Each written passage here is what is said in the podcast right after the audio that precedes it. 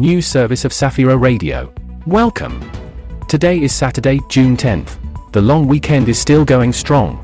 Today, we celebrate the name day of Jan, Malgorzata, Henrik, and Cecilia. Best wishes to all. June 10th is International Heraldry Day, a day for the study of the development and principles of creating coats of arms.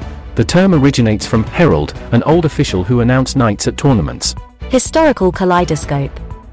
In 1902, Sosnowiec gained city rights, and in 1991 the premiere of the FSO Polonez Caro car took place, which was the object of many Poles' desires.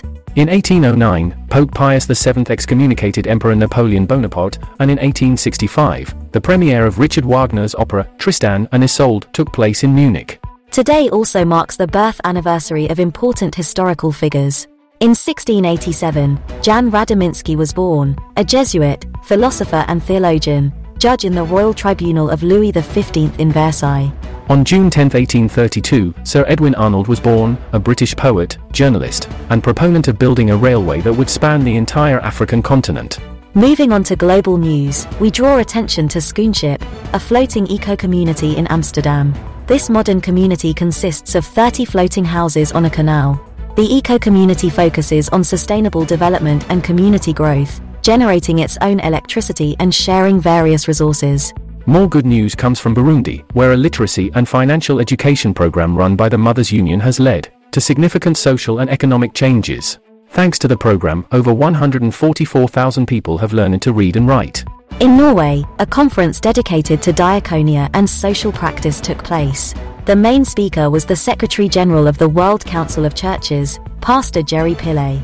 The topics discussed included justice and security. Pillay also met with church leaders. Archbishop Atem of South Sudan reports thousands of refugees in Renk suffering from a lack of food, water, and medicine. The Anglican Church is selling grain to help those in need. The Archbishop appeals for global solidarity and support. Lisbon's mayor, Carlos Moedas, and Patriarch Cardinal Manuel Clemente confirm that preparations for World Youth Day are going as planned. Moedas asks the residents for hospitality towards pilgrims, and the Cardinal praises the commitment of volunteers. The 11 Congress of Large Families will take place in Grodzisk Mazowiecki.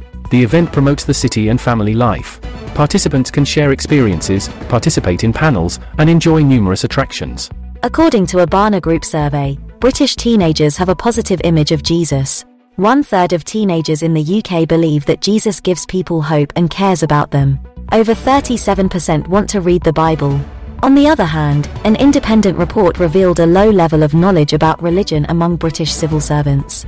To finish, news from Italy. Underwater archaeologists made an important discovery in a submerged settlement near Rome. Rare artifacts from the Stone Age were found, including textiles, crafts, and tools.